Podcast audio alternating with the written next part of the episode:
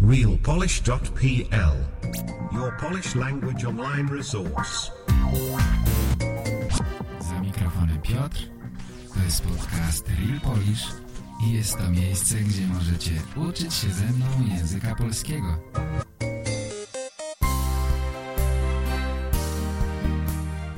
Witam. Słuchacie podcastu realpolish.pl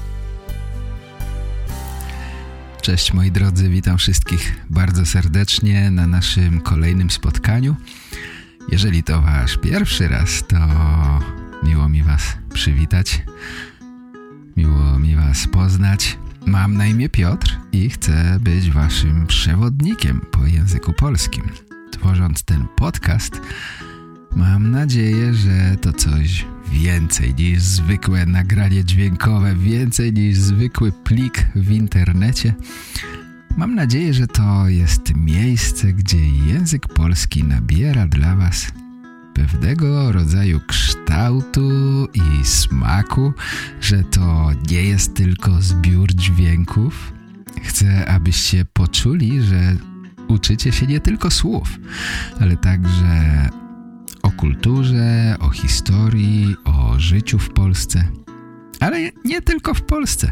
Mam nadzieję, że język polski stanie się dla Was narzędziem przydatnym w Waszym życiu i dzięki temu narzędziu Wasze życie będzie troszkę ciekawsze, weselsze, a na pewno troszkę inne niż gdybyście nie znali języka polskiego. Jeśli dopiero zaczynacie tę przygodę, tę zabawę z językiem polskim, witam Was bardzo serdecznie. Mam nadzieję, że to miejsce stanie się dla Was inspiracją do nauki języka polskiego. Jeśli chcecie śledzić teksty do wszystkich odcinków podcastu, odwiedźcie moją stronę internetową realpolish.pl Słuchanie i czytanie to fantastyczny sposób na poszerzenie słownictwa i naukę gramatyki. Zupełnie bez wysiłku. No, może nie zupełnie bez wysiłku, bo trzeba przecież słuchać i czytać. Ale jeśli porównamy to z wpisywaniem końcówek, rozpoznawaniem przypadków, uzupełnianiem zdań, uczeniem się słów na pamięć, to moim zdaniem nie ma zupełnie porównania. Ta metoda jest o wiele przyjemniejsza, o wiele ciekawsza, a jeśli robimy coś z przyjemnością, to nie jest żaden wysiłek, prawda? To jest zabawa. Zatem podczas słuchania tego podcastu postarajcie się zrelaksować, nie starajcie się nic zapamiętywać po prostu się rozluźnijcie. Oczywiście to może doprowadzić do tego, że zaśniecie. Wiem, bo czasami mi też to się przydarza, gdy słucham podcastów.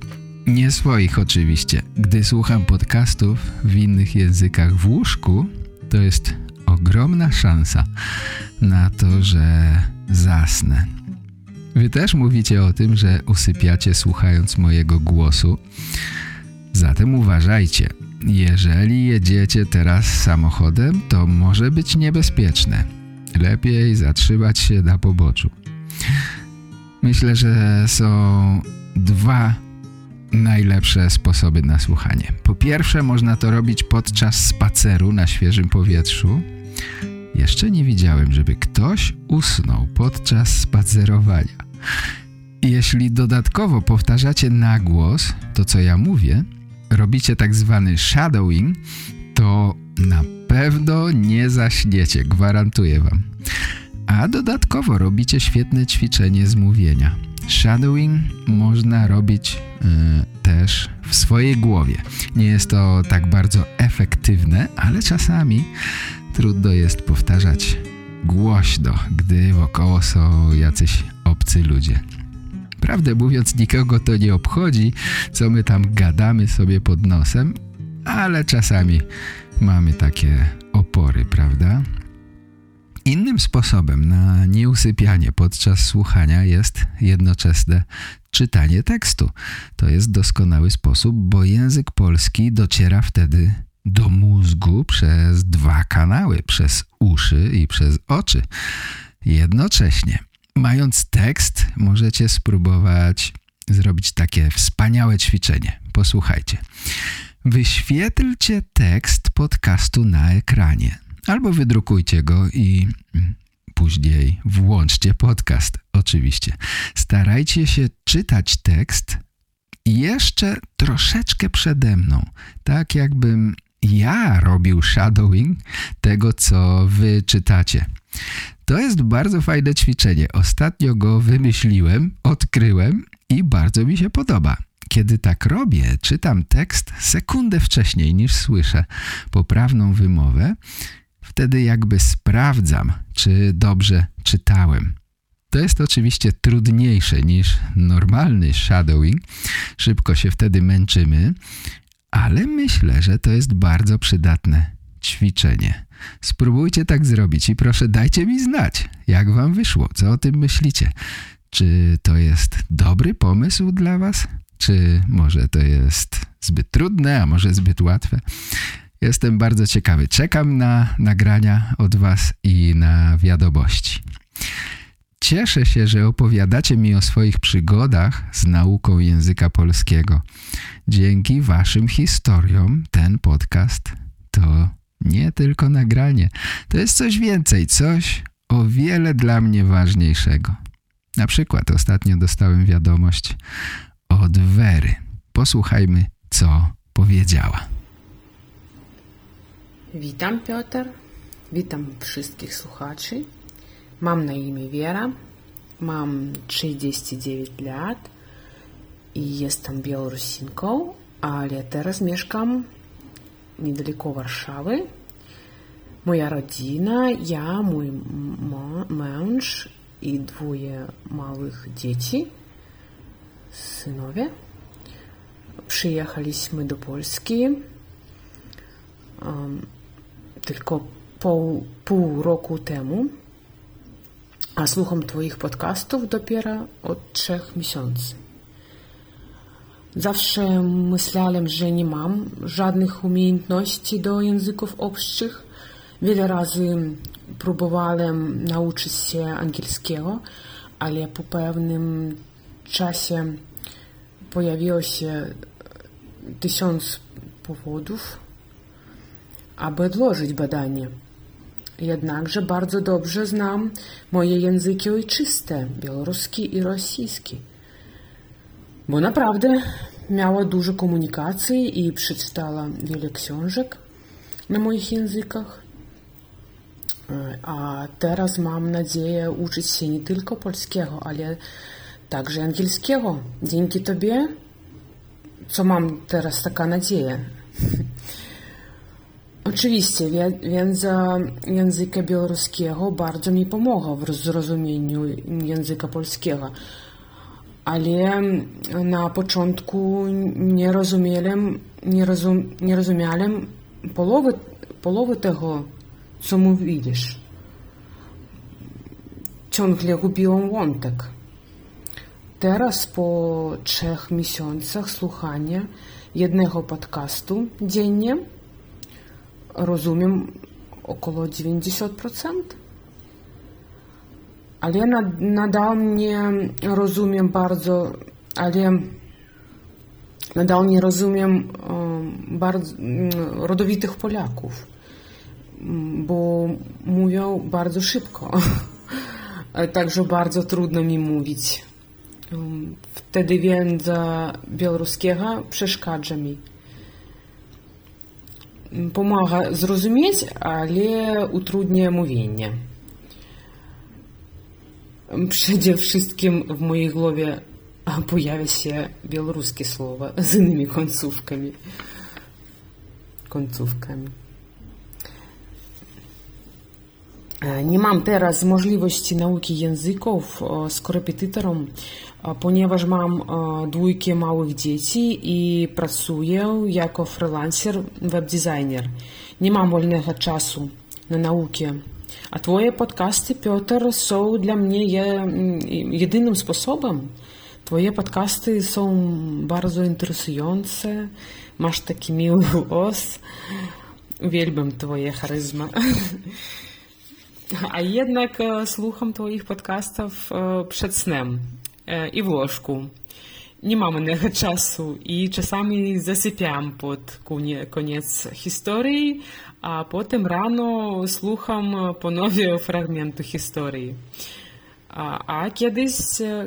mia, miałem problemy z zasypianiem. Um, miałem dużo myśli przed snem, niepokój, ale słuchanie twoich, twoich podcastów mnie uspokoja. Zasypiam bardzo szybko i, i dodatkowo uczę się języka i nowych ciekawych rzeczy. Naprawdę chcę i marzę, aby dołączyć do klubu VIP i kupić Daily Stories, ale wolę to zrobić jak, jak dzieci pójdą do przedszkola. Świetna robota, Piotr, świetna. Pozdrawiam. Wszystkiego najlepszego. Pa, pa. Dziękuję bardzo. Bardzo mi miło, że lubisz mój głos. No właśnie, Vera też usypia słuchając podcastu. Wiecie co? To mnie wcale nie martwi. To mnie cieszy. To jest jakby dodatkowa opcja, dodatkowa funkcja mojego podcastu. Jeśli macie trudności z zasypianiem, to zapraszam bardzo serdecznie do słuchania w łóżku. Pomyśleć, że jestem z tyloma osobami w łóżku. Niesamowite. Pamiętajcie też, że jeśli zaśniecie, to nic straconego. Następnego dnia możecie przecież posłuchać jeszcze raz. Myślę, że Vera mówi już całkiem dobrze po polsku, jeśli weźmiemy pod uwagę, że uczy się dopiero od trzech miesięcy. Od trzech miesięcy słucha jednego podcastu dziennie. Świetna robota. Muszę wam powiedzieć, że mam podobne doświadczenie jak Vera. Ona powiedziała, że znajomość języka białoruskiego pomaga jej w rozumieniu języka polskiego, ale przeszkadza w mówieniu, bo przychodzą jej do głowy białoruskie słowa i często stosuje białoruską gramatykę. Ja mam bardzo podobne odczucia z językiem włoskim i hiszpańskim. Rozumiem dość dobrze po hiszpańsku i w miarę dobrze mówię, na pewno nie na tym poziomie, jak Vera mówi po białorusku, ale doświadczenie jest dosyć podobne. Ja również rozumiem coraz więcej po włosku. Słucham już od kilku miesięcy, ale chyba wciąż za mało, bo ciągle nie mogę mówić. Ciągle przychodzą mi do głowy hiszpańskie słowa i mam w głowie prawdziwy mętlik. Mam z tym problem, bo nie wiem, czy to słowo jest takie samo we włoskim jak w hiszpańskim, czy inne. Bardzo to jest dziwne uczucie. Myślę, że gdy uczymy się podobnych języków, to z jednej strony jest to pomocne, bo od razu dużo rozumiemy. Ale może to też przeszkadzać troszeczkę. Tak mi się wydaje. Takie mam odczucie. Co wy o tym myślicie? Czy, czy macie podobne doświadczenia? Wielkie dzięki dla Wery za nagranie. Wspaniale było usłyszeć miłe słowa od kobiety i fajnie jest wiedzieć, jakie masz odczucia i doświadczenia ucząc się języka polskiego. Wielkie dzięki. Kochani, zapraszam Was do przysyłania nagrań. Opowiadajcie o sobie, jak się uczycie, jakie języki znacie. Jakie rzeczy Was interesują? Ostatnio Lucy z Czech powiedziała, że interesuje ją Kazimierz Wielki. I ja wtedy obiecałem, że opowiem o tym polskim królu. Zatem muszę dotrzymać słowa. Dzisiejszy odcinek będzie opowiadał o historii Polski w czasach Kazimierza Wielkiego, czyli w XIV wieku. Być może pamiętacie, że państwo polskie ma swój początek w X wieku i od początku rządziła Polską dynastia Piastów. Myślę, że to może być dla Was ciekawe. Słowo piastować znaczy opiekować się czymś lub kimś. Na przykład, jeśli powiem matka piastuje swoje dziecko, to mam na myśli, że matka opiekuje się dzieckiem, dba o dziecko, daje mu jeść, ubiera je i tak dalej. Istnieje nawet słowo w języku polskim piastunka, czyli opiekunka. Często w Biblii jest używane słowo piastunka w odniesieniu do Maryi, Matki Jezusa. Można również powiedzieć, że ktoś piastuje jakiś urząd. Na przykład Andrzej Duda piastuje urząd prezydenta. To znaczy, że on opiekuje się tym urzędem, dba o ten urząd. Jasne?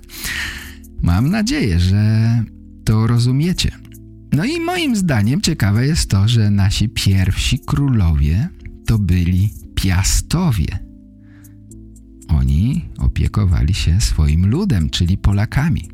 Myślę, że to bardzo ładne.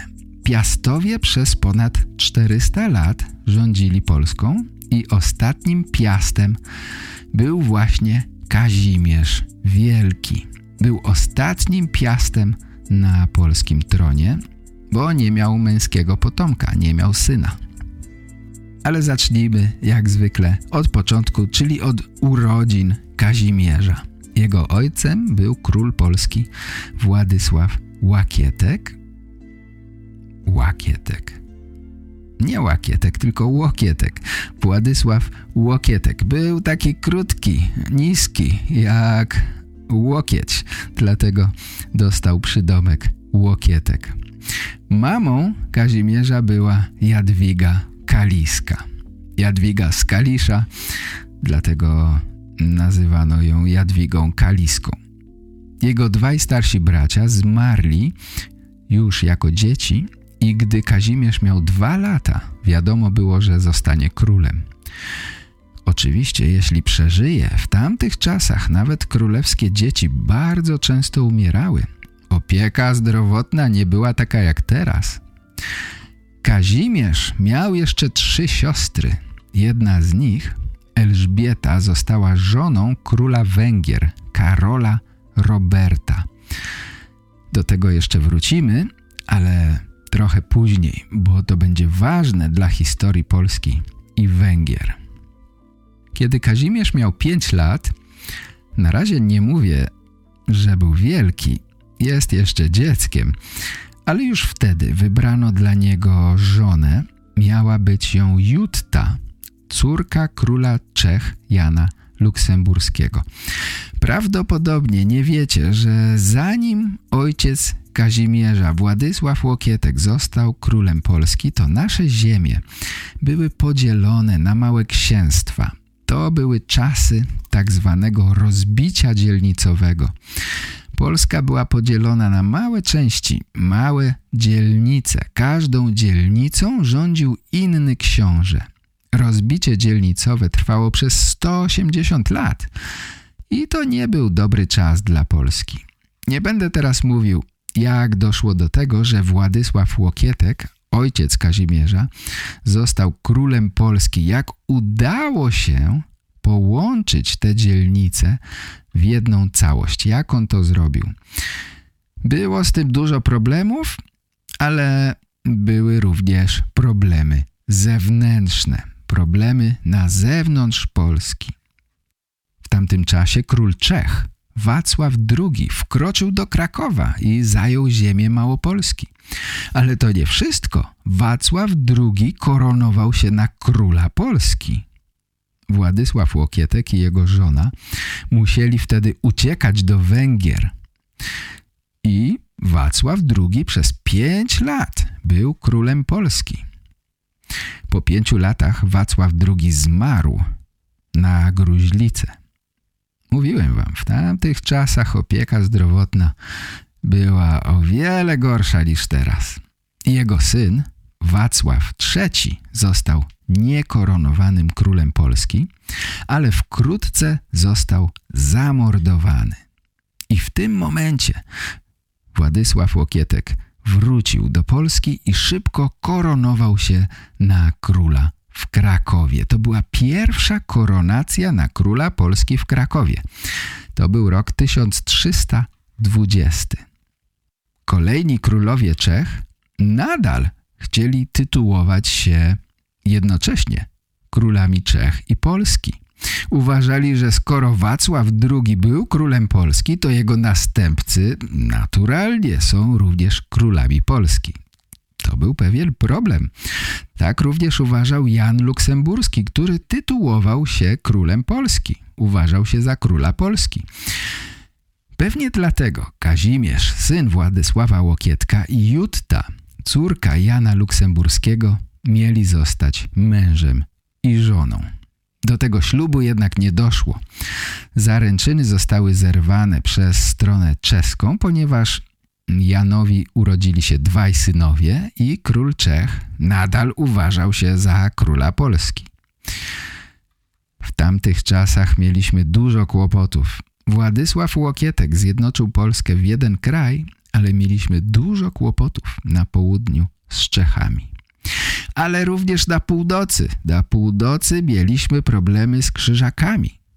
Pewnie wiecie, bo dużo mówiłem już o krzyżakach.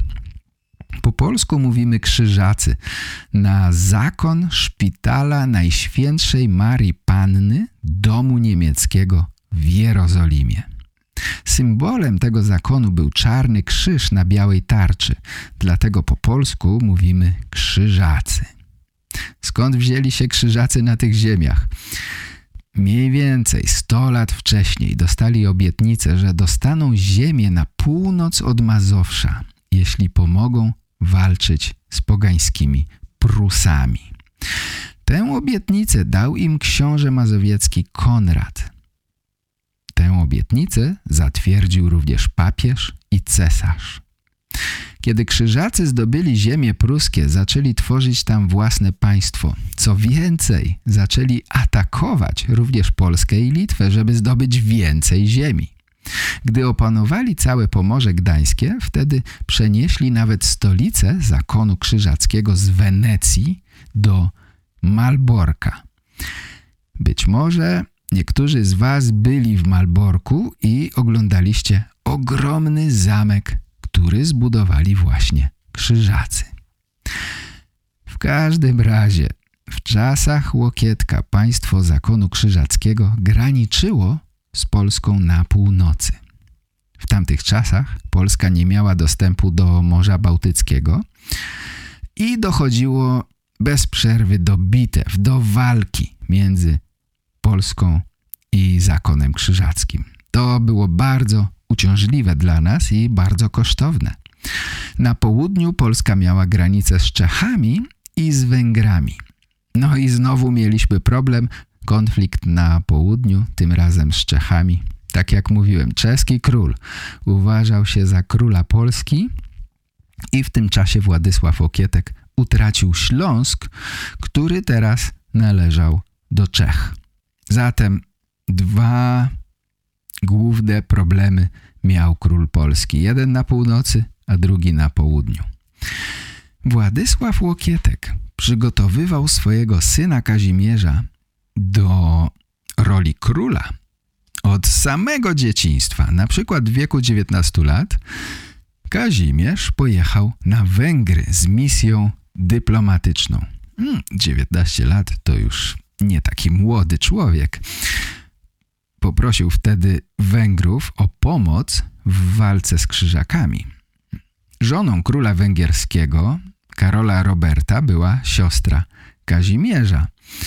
E, Elżbieta, pamiętacie, mówiłem wam o tym. Podczas tego pobytu doszło podobno do pewnego skandalu obyczajowego. Nasz królewicz miał tam romans z jedną z dwórek Elżbiety, Klarą Zach. Nie wiadomo do końca, czy to jest prawda. Prawdą jest na pewno to, że ojciec Klary Zach zrobił zamach na parę królewską. Na szczęście nie udało mu się zabić ani Elżbiety, ani króla, ale podczas zamachu obciął cztery palce siostrze Kazimierza, czyli Elżbiecie. Zamachowiec został złapany i poćwiartowany, czyli pocięty na kawałki. Te kawałki jego ciała były potem pokazywane w wielu miastach na Węgrzech, żeby nikomu nie przyszło do głowy zrobić czegoś podobnego. Ale wracajmy do Polski i do Kazimierza. Gdy miał 23 lata, ojciec Władysław Łokietek zmarł i Kazimierz został królem Polski. Nie był wtedy jeszcze nazywany Wielkim. Ten przydomek dostał oczywiście później. Myślę, że ten przydomek dostał za swoją mądrość. Kazimierz Wielki potrafił rozwiązać wiele problemów politycznych bez walki, bez wojny, w sposób dyplomatyczny. W tamtych czasach raz na jakiś czas organizowane były wielkie zjazdy, wielkie imprezy, zjazdy władców z danego regionu. Takie ogromne imprezy dla władców, magnatów i ważnych osobistości. Na takich zjazdach oczywiście dobrze jedzono i dużo pito, ale również tutaj były rozwiązywane różne problemy polityczne. Były zawiązywane sojusze, tutaj rozstrzygano, czyli rozwiązywano różne spory międzynarodowe. Kazimierz Wielki był doskonały na tych zjazdach, potrafił dogadać się z innymi władcami. Szwagier Kazimierza Wielkiego, szwagier, czyli mąż siostry Kazimierza Wielkiego. Król Węgier zorganizował dwa wielkie zjazdy w Wyszehradzie.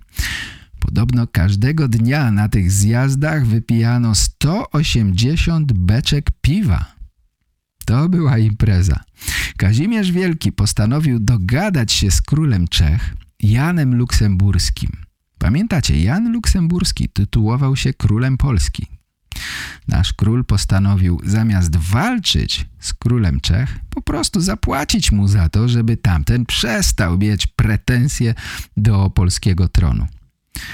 Jan Luksemburski dostał sporo kasy i panowie się dogadali. Można, można, bez rozlewu krwi. Brawo, tak powinno załatwiać się interesy. Pamiętacie, siostra Kazimierza Wielkiego Elżbieta była królową Węgier, żoną Karola Roberta. Więc Węgry były naszym naturalnym sojusznikiem. Na tych zjazdach w Wyszehradzie Kazimierz Wielki dogadał się z przyszłym królem Węgier, synem Elżbiety, Ludwikiem Andegaweńskim. Na czym polegała ta umowa?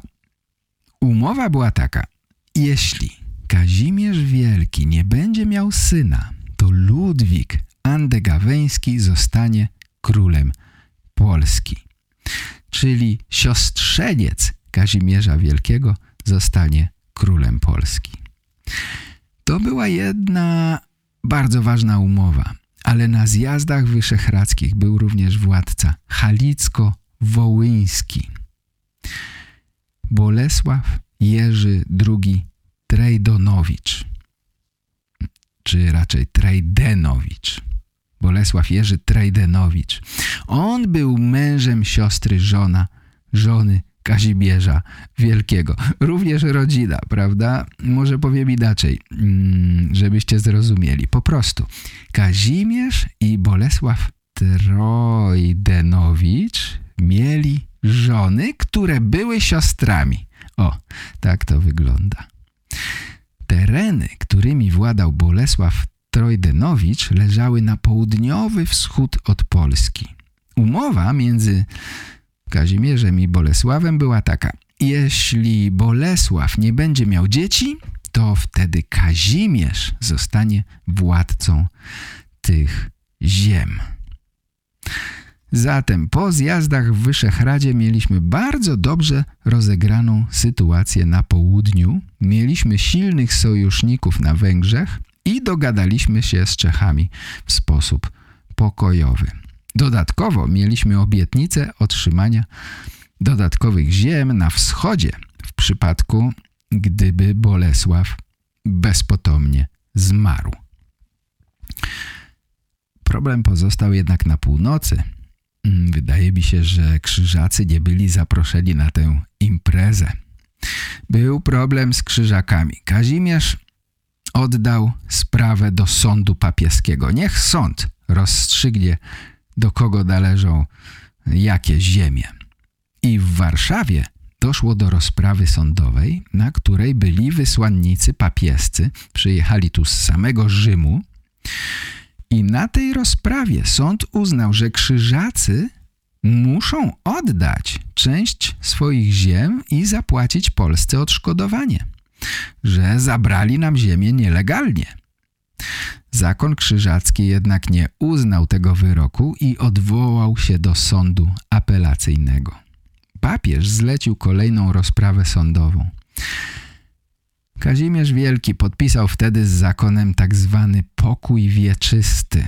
Wieczysty to znaczy na zawsze, na wieczność. Nasz król oddał zakonowi Pomorze, ale w zamian dostał pokój i część wcześniej utraconych ziem. Ten pokój wieczysty nie trwał oczywiście wiecznie, ale trwał dosyć długo. Trwał przez 60 lat. Przez 60 lat nie doszło do żadnego starcia między Polską i zakonem krzyżackim. W ten sposób mieliśmy już bardzo dobrze ustawione stosunki z naszymi sąsiadami. Nie mieliśmy problemów z wojnami. Nie trzeba było wydawać pieniędzy na wojny. Wprawdzie utraciliśmy Pomorze na rzecz, na rzecz Krzyżaków i Śląsk na rzecz Czech, ale dzięki temu mogliśmy spokojnie zająć się rozwojem, modernizacją Polski. Od tego czasu polityka przyszłych władców była skierowana na wschód. Tak się stało, że władca halicki Bolesław Trojdenowicz rzeczywiście zmarł bezpotomnie, to znaczy nie miał dzieci i jego ziemie zostały przyłączone do Polski. To nie stało się tak łatwo, bo Litwini również chcieli przejąć te tereny. Ponad 25 lat trwały walki o te tereny, ale to Kazimierz stał się ich władcą. Ruś Halicka i Ruś Włodzimierska zostały włączone do Królestwa Polskiego. Nasz król, żeby potwierdzić swoją władzę na Rusi, zorganizował kolejną wielką imprezę, tym razem w Krakowie. Historycy nazywają ją ucztą u Wierzynka. To była wspaniała impreza. Trwała trzy tygodnie. Na to spotkanie przybyli wszyscy władcy z okolicy. Król węgierski Ludwik Andegaweński, cesarz Karol IV, książęta śląscy, margrabia brandenburski, a nawet król Cypru. Oczywiście jedzono, pito, ile się dało, ale również zorganizowano turniej rycerski, którego zwycięzcą został Piotr, właśnie król Cypru. Na tym kongresie zostały potwierdzone wszystkie granice i wszystkie umowy pokojowe między monarchami. Zatem tak wyglądała polityka zewnętrzna Kazimierza Wielkiego. Ale Kazimierz Wielki zajmował się nie tylko polityką zewnętrzną, ale również modernizacją naszego państwa. Jako jedyny przywódca, jedyny król ma przydomek wielki. A to dlatego, że za jego panowania teren Polski powiększył się dwa i pół raza, prawie trzy razy. Polska była prawie trzy razy większa niż za panowania jego ojca Władysława Łokietka. Ponadto Kazimierz przeprowadził bardzo dużo zmian wewnętrznych w naszym państwie zakładał nowe miasta, nowe wsie. Za jego panowania liczba ludności zwiększyła się trzy razy. Z jego rozkazu powstało ponad 100 miast i tysiąc wsi. Zbudowano ponad 50 zamków obronnych. Wydaje mi się, że już nigdy w naszej historii nie powstało tak dużo zamków w tak krótkim czasie. Jeden z nich powstał właśnie w mieście Kazimierz Dolny nad Wisłą. Dziś to są już ruiny. E, pokazywałem wam kiedyś filmik z Kazimierza Dolnego. Muszę wam powiedzieć, że ruiny zamku w Ogrodzieńcu możecie zobaczyć mm, w filmie Wiedźmin, jeśli was ten film interesuje. Mówię, że to są ruiny, ponieważ większość polskich zamków z tamtych czasów zostało zniszczonych dużo później przez Szwedów. Ale to już zupełnie inna historia. Tak jak mówiłem, za panowania Kazimierza Wielkiego wzrosła liczba ludności, ponieważ on prowadził politykę sprowadzania ludności do Polski z Europy, również ludności żydowskiej. W tamtych czasach w Europie Żydzi byli niezwykle silnie prześladowani. Hmm, muszę wam powiedzieć, że wtedy w Europie panowała epidemia dżumy. I nikt nie wiedział, skąd bierze się to choróbstwo. Uważano, że to Żydzi są przyczyną tej choroby. Dochodziło do masowych pogromów Żydów. Często wypędzano ich, konfiskując im majątki. Dlatego ludność żydowska dość licznie emigrowała do Polski, gdzie Żydzi mieli zapewnioną częściową autonomię. Mogli mieć własne sądy mm, i mogli bez problemu podróżować po kraju, mogli na przykład handlować. Kazimierz Wielki wiedział, że na handlu można dobrze zarobić. Robił wszystko, żeby handel w Polsce się rozwijał. Wprowadził specjalne prawo. Prawo, które mówiło o tym, że jeśli kupiec, kupiec, czyli handlowiec, przejeżdżał przez jakieś miasto, to musiał w tym mieście wystawić swoje towary, czyli musiał w tym mieście sprzedawać swoje towary. Były również wyznaczone trasy, po których podróżowali kupcy. Były pobierane podatki i cła i to wszystko powodowało, że gospodarka się rozwijała. Kazimierz Wielki zaczął nawet bić swoją monetę. Bić, czyli wytwarzać swoją monetę, to była polska srebrna moneta, Wcześniej bardzo często używano czeskich monet. Mówiąc o monetach, o pieniądzach, o finansach, muszę wam powiedzieć, że Żydzi dosyć często zajmowali się sprawami finansowymi, to znaczy często pożyczali pieniądze na procent. Procent, na jaki pożyczali pieniądze, był ustalony prawnie. Pobieranie zbyt wysokiego procentu, zbyt wysokiej opłaty nazywa się po polsku lichwą. I w tamtym czasie to było ogromne przestępstwo. Chociaż lichwa była zabroniona, to i tak na pożyczkach można było zarobić bardzo dużo. Znany jest z historii jeden z żydowskich bankierów o imieniu Lewko. To był jeden z najbardziej wpływowych bankierów żydowskich w średniowiecznej Polsce.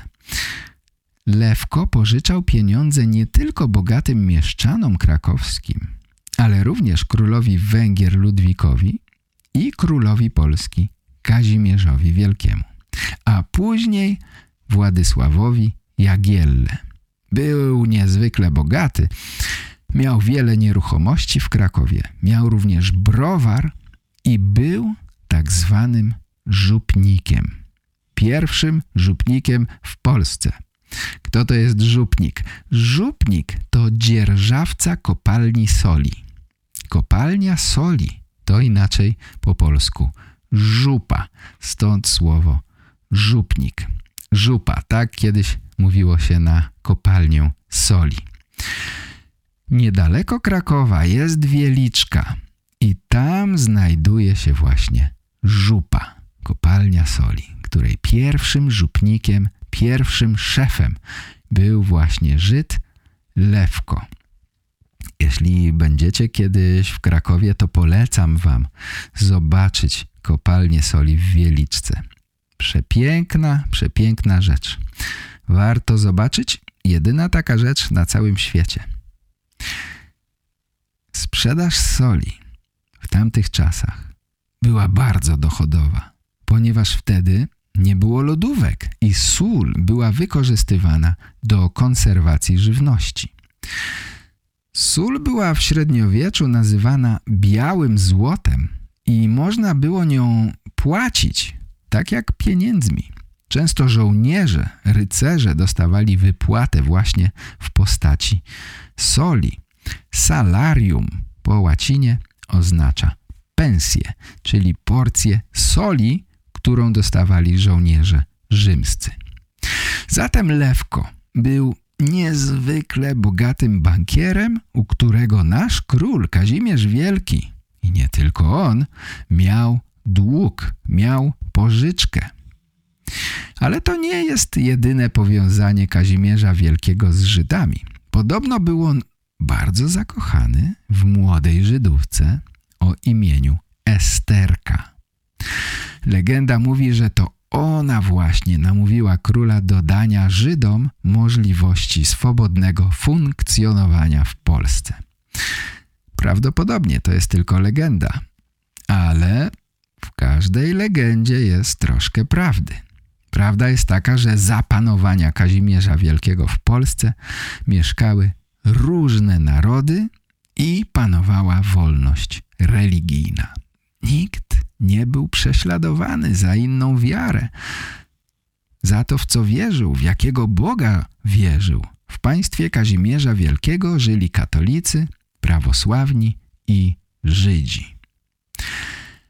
Sami widzicie, że Kazimierz Wielki był bardzo nowoczesnym władcą, wprowadzał dobre, nowoczesne prawo w Polsce. Zadbał również o szkoły. W 1364 roku otworzył pierwszy w historii uniwersytet, czyli Akademię Krakowską. To był ósmy lub dziewiąty uniwersytet w Europie, tak mi się wydaje. To była wielka sprawa.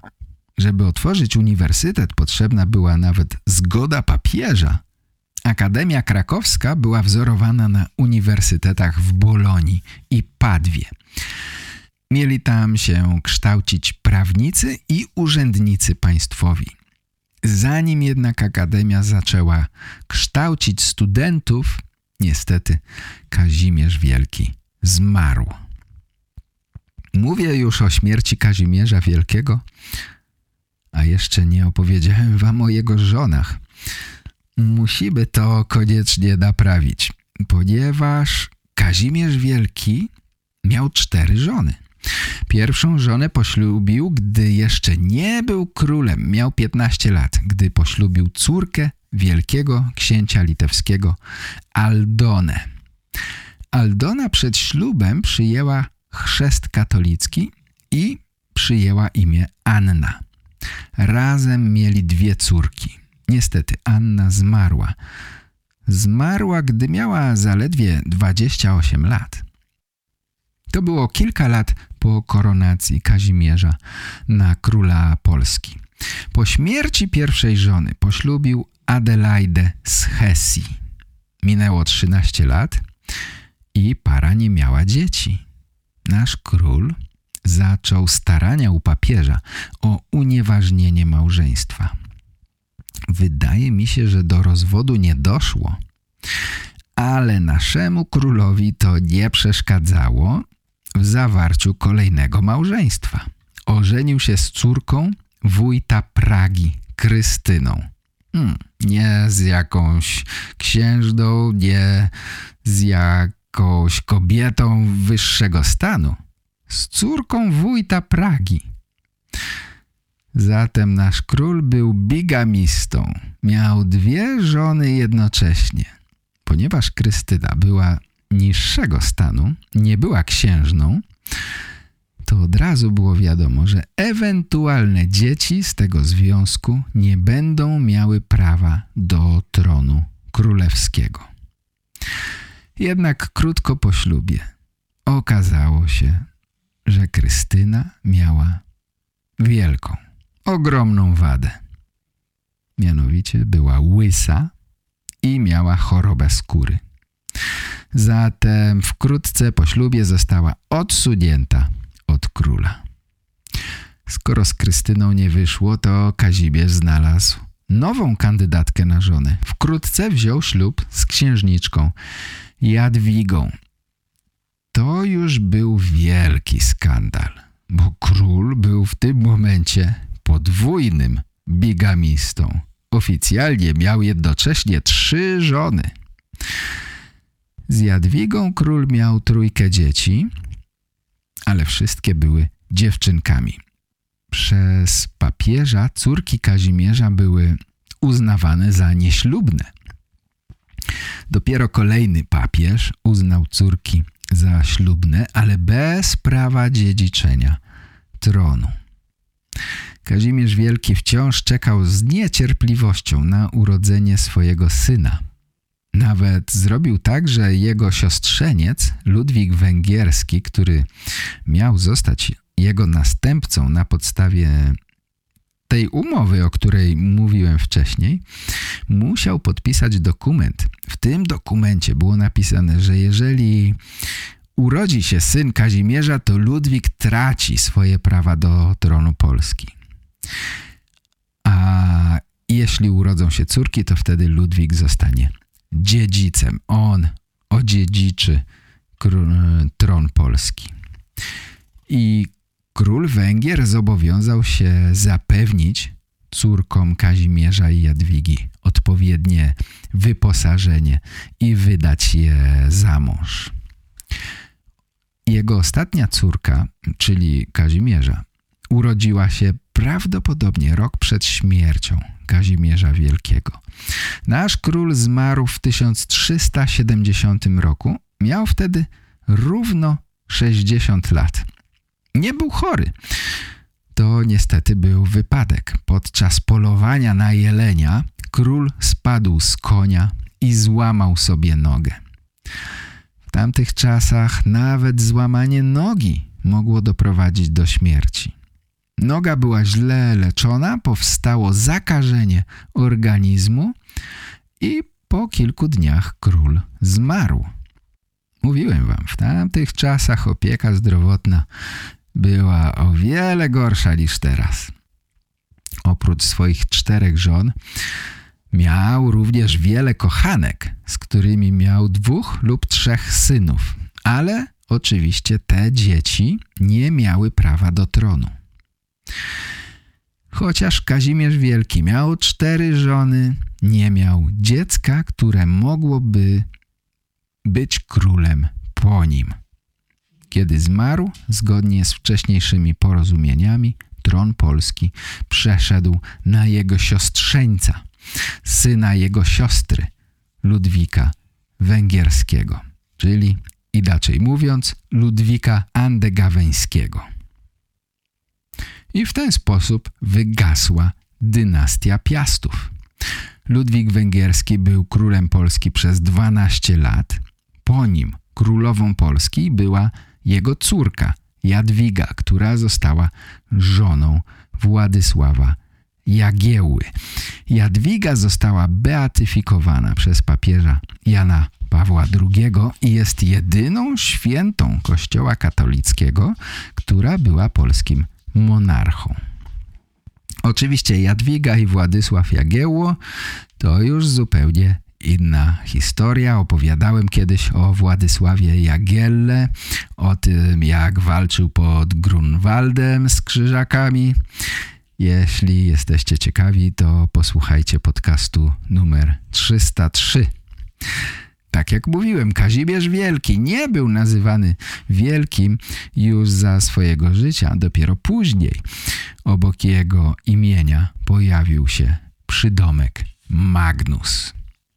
Gdy Kazimierz został królem, Królestwo Polskie nie miało wielkiego znaczenia w tym rejonie Europy. Ale za jego panowania nasza pozycja umocniła się bardzo znacznie. Terytorium państwa zwiększyło się prawie trzy razy. Nie udało się wprawdzie utrzymać Śląska i Pomorza, ale zdobyliśmy nowe tereny na wschodzie.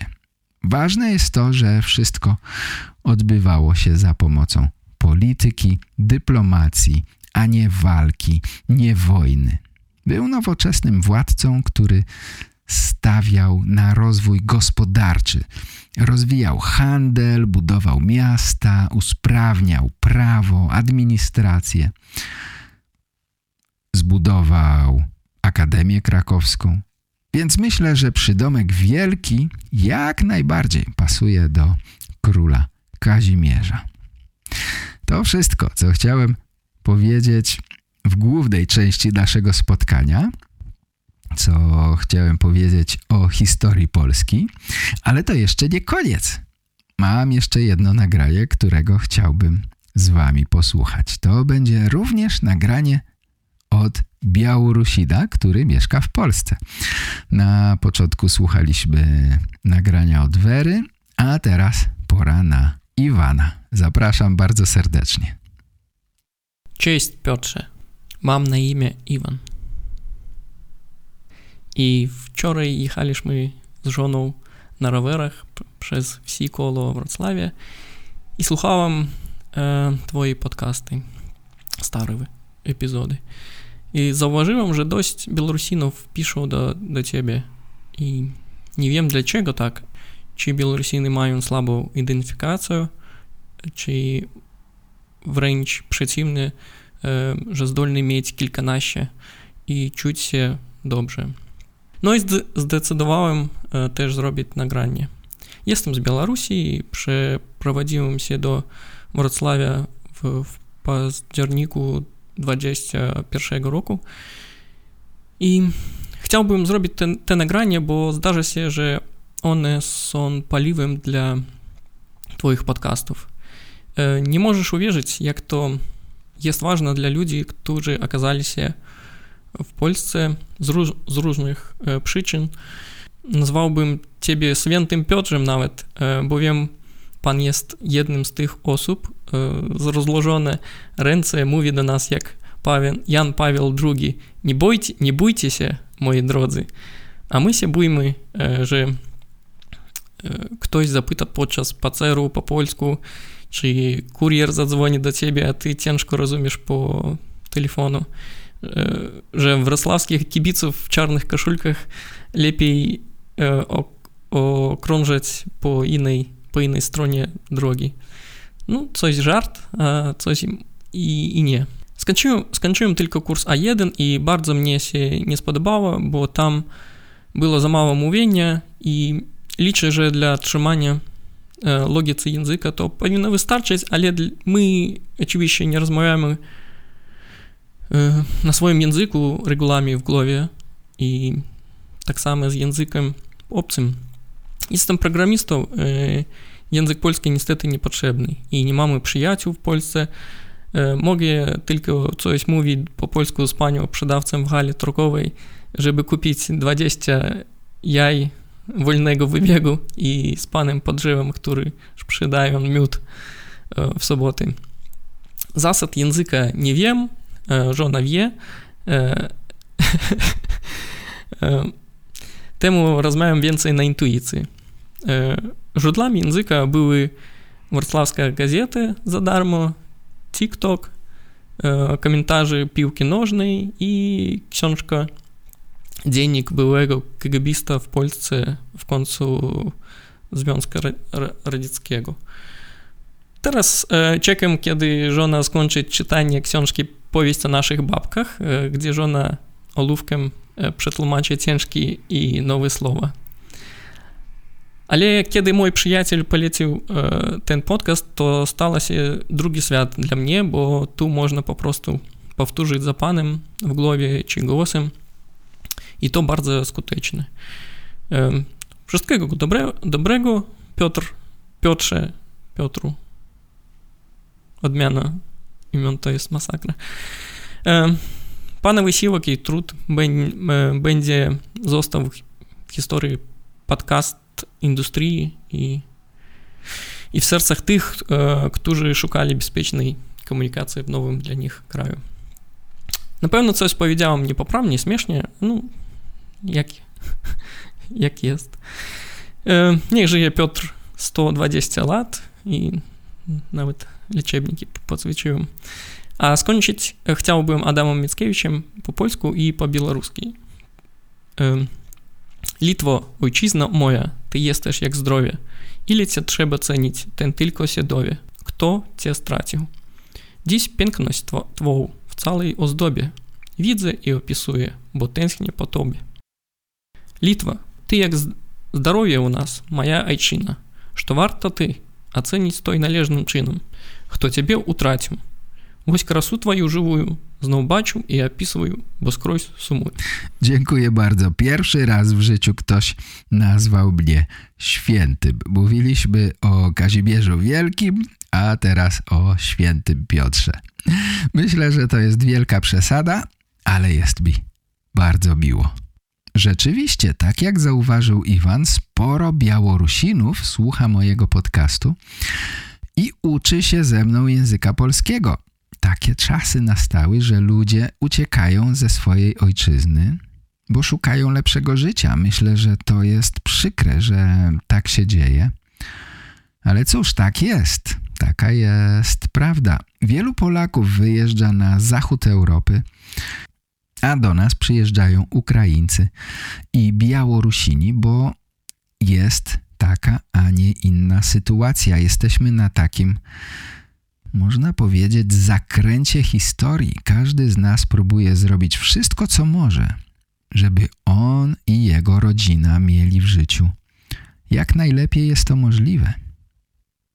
Okej, okay, dość truizmów na dziś. Wiecie, co to są truizmy? Truizmy to są stwierdzenia, które są prawdziwe, to nie są kłamstwa, ale są banalne. Wszyscy o tym wiedzą, więc nie ma po co o tym mówić jeszcze raz. Zauważcie, że Iwan nie uczy się gramatyki. Nie uczy się z podręczników, słucha podcastów i bardzo dobrze mówi po polsku. Iwan czyta też książki. E, ciekawe to jest. Najpierw czyta książkę jego żona, tłumaczy trudniejsze fragmenty i słowa, a z tego korzysta potem Iwan. Bardzo fajna metoda. Też kupiłem sobie tę książkę, o której mówi Iwan. Chłopaki, opowieść o naszych babkach. Jeszcze jej nie czytałem. Wydaje mi się, że opowiada o tym, jak żyły kiedyś kobiety. Może zimą będę miał więcej czasu i ją przeczytam. Wielkie dzięki za fajne nagranie. Było interesujące usłyszeć, jak uczysz się polskiego, że rozmawiasz z panią sprzedającą jajka, z panem pod drzewem, który sprzedaje miód. Bardzo ciekawe. I myślę, że masz rację. Lepiej unikać kibiców w czarnych koszulkach. Lepiej przechodzić na drugą stronę ulicy. Przysyłajcie nagrania do mnie. Lubię ich słuchać. Lubię wiedzieć więcej, co u was słychać. To dzięki wam istnieje w ogóle to miejsce, ten podcast, strona internetowa. Nieraz już mówiłem, ale myślę, że nie zaszkodzi powtórzyć. Bez was to wszystko nie miałoby sensu. Zapraszam Was na stronę realpolish.pl. Jeśli chcecie popracować również z tekstem, to nie ma problemu. Transkrypcja podcastu jest dostępna w każdym przypadku. Jakikolwiek kurs wybierzecie z mojej strony, to transkrypcja będzie dostępna po zalogowaniu na mojej stronie. A jeśli nie wiecie, który kurs wybrać, 100 Daily Polish Stories, 365 Daily Polish Listening czy Klub VIP, to po prostu piszcie do mnie. Piszcie do mnie przez formularz, który znajdziecie obok podcastu, a ja przyślę wam próbki. Posłuchacie sobie i zobaczycie, co wam pasuje najlepiej. Zapraszam na moją stronę Znajdziecie ją pod adresem realpolish.pl Dziękuję Werze i Iwanowi za nagrania, a wam wszystkim za wysłuchanie dzisiejszego odcinka do samego końca. To wszystko na dziś. Trzymajcie się zdrowo. Do usłyszenia następnym razem. Cześć. Papa. Pa. To był podcast Real Polish. Po więcej informacji zapraszam na realpolish.pl